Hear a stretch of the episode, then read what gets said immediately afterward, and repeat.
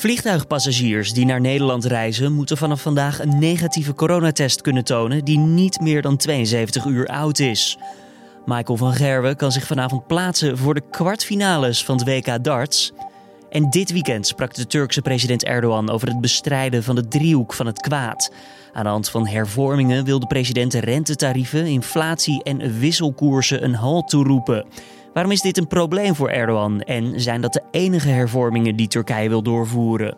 Dit wordt het nieuws. Of dat dan onder druk is van anderen, ja, dat zal Erdogan zelf nooit toegeven. Sterker nog, hij zei uh, bij de aankondiging er expliciet bij dat het land nergens toe gedwongen wordt, maar dat het uh, uh, deze stappen puur zet omdat de bevolking het verdient. Maar ja, dan moet je natuurlijk even achter de schermen gaan kijken en dan wordt natuurlijk duidelijk dat het speelkwartier voor Erdogan, Turkije, voor Erdogan en Turkije voorbij is. Vanuit Turkije praat Turkije-watcher Nick Augustijn ons bij over deze bijzondere beeldspraak van de Turkse president en wat er zich daarachter mogelijk verschuilt. Maar eerst kort het belangrijkste nieuws van nu. Mijn naam is Julian Don en het is vandaag dinsdag 29 december. Dit is de Dit wordt het nieuws ochtendpodcast. Dit jaar zijn er inmiddels al 13.000 meer personen overleden in Nederland dan waar eerder rekening mee werd gehouden. Het gaat om de hoogste oversterfte sinds de Tweede Wereldoorlog, dat schrijft het Centraal Bureau voor de Statistiek. Nog lang niet van al deze mensen is de doodsoorzaak bekend, maar van de mensen die tot en met juni van dit jaar overleden, blijkt wel dat iets meer dan 10.000 mensen overleden aan de gevolgen van het coronavirus.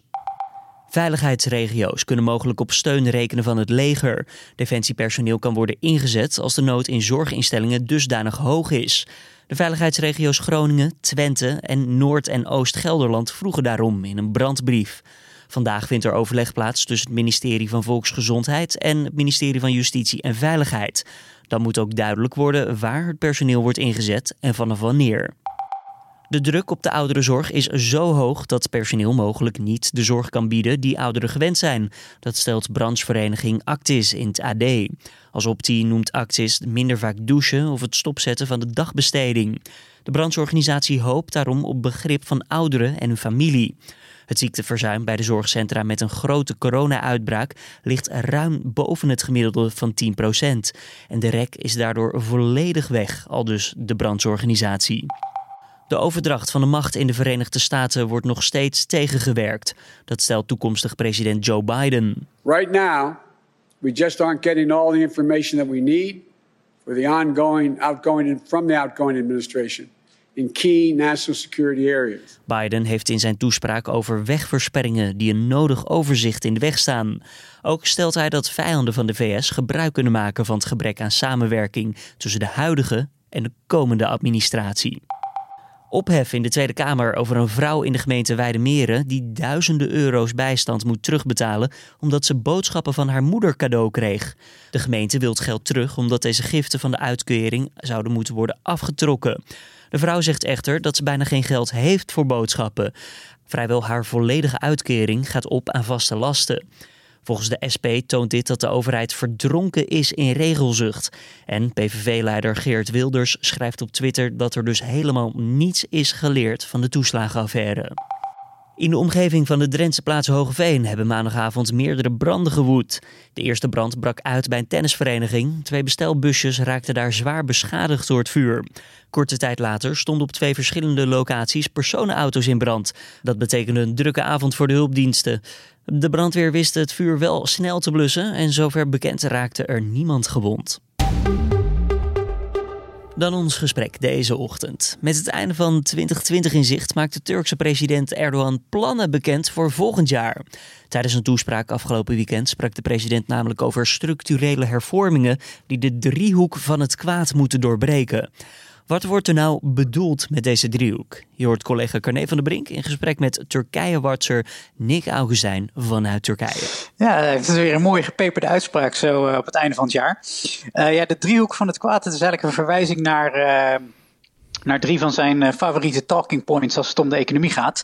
Uh, namelijk uh, de wisselkoersen, inflatie en de rente. En dan met namelijk hoge rente. Nou ja, je weet, rente zit voor een conservatieve moslim als Erdogan sowieso al in de, in de taboesfeer. Maar Erdogan zou Erdogan niet zijn als hij er niet een, een schepje bovenop doet. Want hij claimt stevast dat, dat hoge rentes de, de moeder van al het kwaad is. Hij wil het dus aanpakken, maar voor welke problemen zorgt het op dit moment in Turkije? ja, dat hangt er maar net af van wie je het vraagt. Hè. Als je Erdogan op zijn woord moet geloven, dan zijn de economische problemen die Turkije nu ervaart toch vooral het resultaat van, van duistere machten en manipulatieve buitenlandse banken en fondsbeheerders die ja, met wisselkoersen spelen en daardoor Turkije niet in staat stellen zijn, zijn potentieel ten volle te benutten. En hierdoor blijft de inflatie hardnekkig hoog en, en kan de rente niet, uh, niet omlaag, zoals de president graag ziet. En daardoor zit Turkije in die lezing gevangen in die driehoek van het kwaad, waar het in 2021 uh, wil, uh, wil uitbreken. Maar het kan dus twee kanten op gaan als je het aan iemand vraagt waar het aan ligt, door binnenlandse problemen of door externe factoren? Nou ja, wat er feitelijk aan de hand is, is dat Turken al een aantal jaar heel weinig vertrouwen in de economie hebben. Hè. Die hebben last van de inflatie.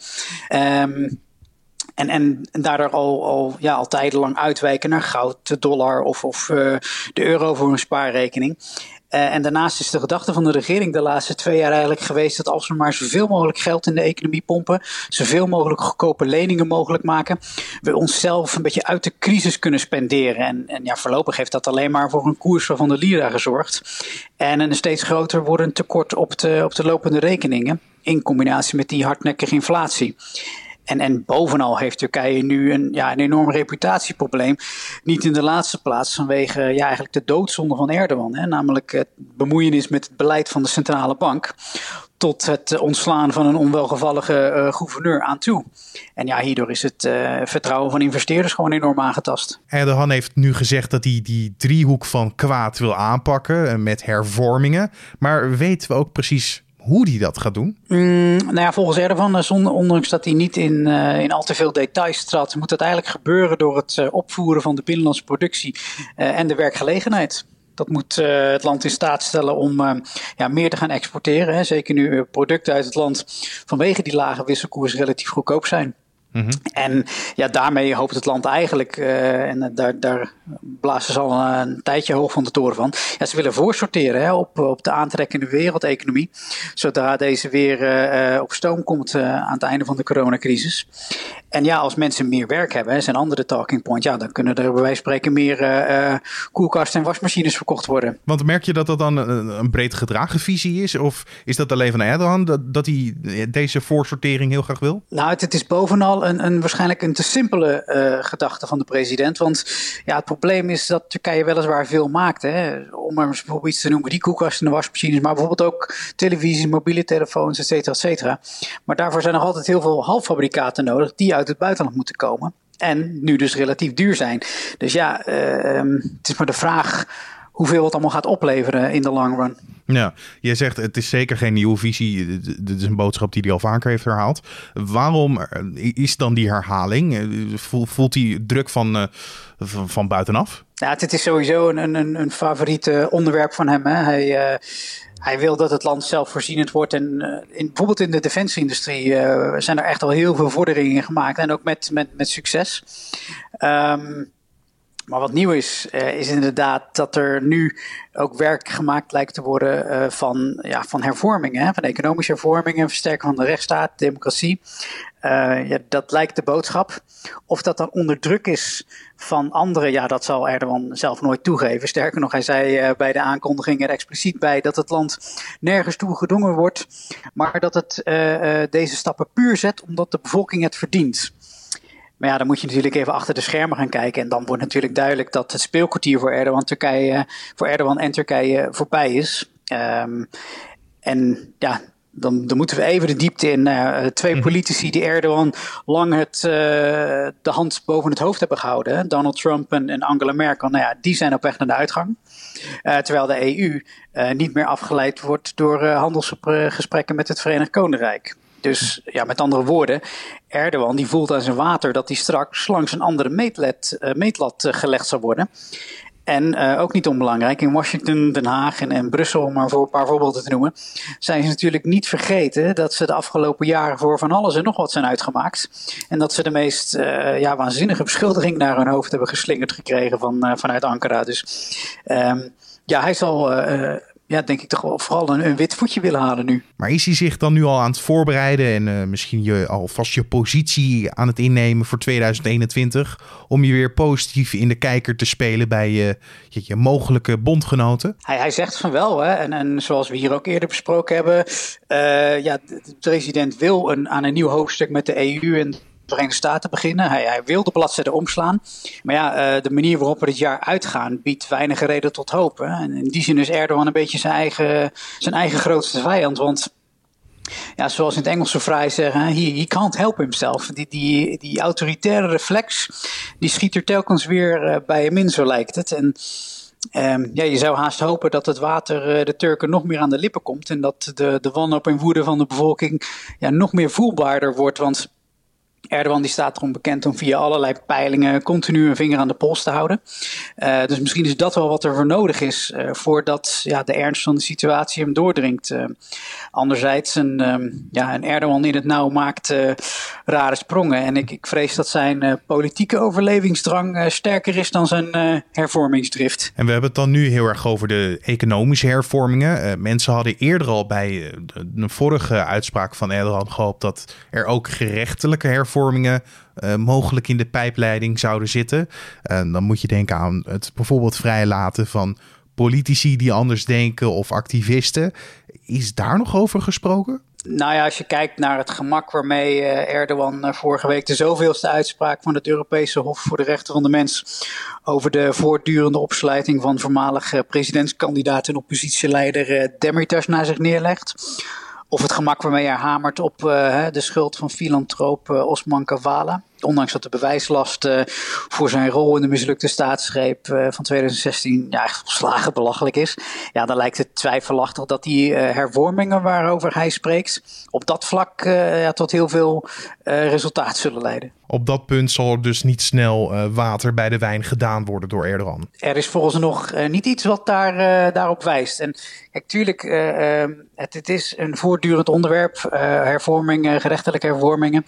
En uh, details ontbreken, maar we weten wel dat bijvoorbeeld de minister van Justitie eigenlijk al langer roept dat er uh, ja, nu eindelijk iets gedaan moet worden aan het, uh, aan het vastzetten van verdachten in afwachting van hun proces. En dat is hier schering en inslag. En aangezien het soms maanden, zo niet jaren kan duren voordat je een keer voor de rechter komt, ja, is die gevangenzetting eigenlijk een soort ja, meer een intimidatiemiddel geworden en de straf aan zich. Um, ja, en een ander probleem is, is dat er uh, ja, mooie woorden worden gesproken die, die vervolgens als vrije kantenkoppen dienen. Maar ondertussen wetten worden aangenomen waarbij je kunt afvragen hoe, hoe serieus men van plan is te hervormen. Want afgelopen maandag, uh, daags na de boodschap van Erdogan, werd er bijvoorbeeld een wet aangenomen die het uh, ministerie van Binnenlandse Zaken in staat stelt om bestuursleden van, van NGO's te vervangen zodra er een uh, onderzoek naar hen gestart wordt. Of bij de rechter kunnen aankloppen om de werkzaamheden van een NGO een halt toe te roepen. Ja, en, als je weet met, met welke snelheid zulke um, verzoeken doorgaans gehonoreerd worden, ja, dan hoef ik je denk ik niet uit te leggen wat voor een afschrikking, afschrikkende werking daarvan uitgaat. Dankjewel, Turkije watcher Nick Augustijn vanuit Turkije in gesprek met collega Carne van der Brink.